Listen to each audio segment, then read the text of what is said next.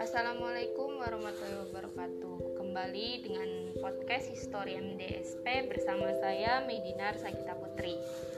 Kali ini saya ingin mencoba membuat satu segmen. Nah segmen ini saya khususkan untuk uh, membahas atau membedah cerita uh, keluarga dari pahlawan revolusi untuk segmen kali ini saya ingin membahas tentang keluarga Letnan Jenderal TNI Anumerta MT Haryono. Akhir-akhir ini saya sering membahas beliau di sosial media. Kenapa? Karena saya ingin sedikit bernostalgia. Karena beliau merupakan salah satu pahlawan revolusi yang pertama kali saya kenal atau lebih tepatnya salah uh, salah satu pahlawan revolusi yang pertama kali saya kenal. Saya mengenal pahlawan revolusi di kelas 5 SD. Nah, salah satu yang saya kenal itu adalah beliau. Yang pertama kali saya kenal adalah beliau.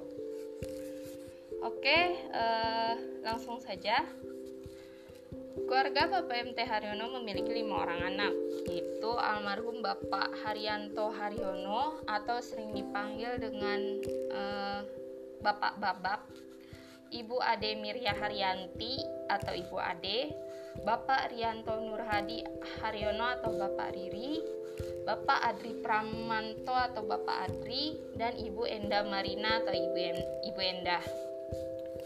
Nah, walaupun jabatan beliau sebagai Deputi 3 Menpangat yang sering mengurusi atau bersinggungan dengan hal-hal yang berbau politik, namun dalam keluarga beliau, komunikasi yang bernuansa politik justru tidak pernah terjadi. Beliau tidak pernah membahas politik di keluarga beliau. Uh, namun dalam kenangan anak pertama beliau yaitu Bapak Babab, beliau pernah sekali mencetuskan opini beliau mengenai realitas politik sebagai kancah yang penuh dengan ikhtiar keras, mencari, mempertahankan, dan melanggengkan kekuasaan dan itu tercetus sebagai sebuah petuah, bukan membahas mengenai realitas politik yang terjadi. Keluarga beliau tinggal di Jalan Prambanan nomor 8, Menteng, Jakarta Pusat. Dengar-dengar sih keluarga uh, rumah beliau mau dijadikan sebuah museum ya. Rumah beliau itu Rumah itu beliau beli dari hasil penjualan sebuah mobil dan dapat dibilang rumah beliau itu sangat sederhana namun indah karena dilengkapi dengan tanaman anggrek yang indah. Nah, walaupun eh, terkadang anggrek itu juga sering dijual untuk memenuhi kebutuhan sehari-hari keluarga beliau. Untuk urusan pakaian, pakaian yang dikenang yang dikenakan keluarga beliau itu merupakan hasil dari rancangan Ibu MT Ibu MT Haryono sendiri. Nah, Ibu MT Haryono sendiri itu uh, suka merancang pakaian yang akan dikenakan oleh anak-anak beliau. Nah, makanan ringan yang sering disantap oleh keluarga beliau itu adalah biskuit Marie Regal. Pasti udah pada tahu lah ya. Nah, walaupun beliau sibuk sekali, namun beliau men selalu menyempatkan diri untuk membawa anak-anak beliau berjalan-jalan berkeliling kota. Dengan mobil Mazda kotak, beliau membawa keluarga beliau berjalan-jalan dan menye men menyempatkan untuk makan mie di Jalan Nusantara. Dan saya juga pernah membaca keluarga beliau suka membeli es lilin di daerah Cikini. Nah, ada sedikit cerita unik dalam keluarga beliau, yaitu uh, beliau selalu menemani anak-anak beliau belajar di malam hari, seperti ayah pada umumnya.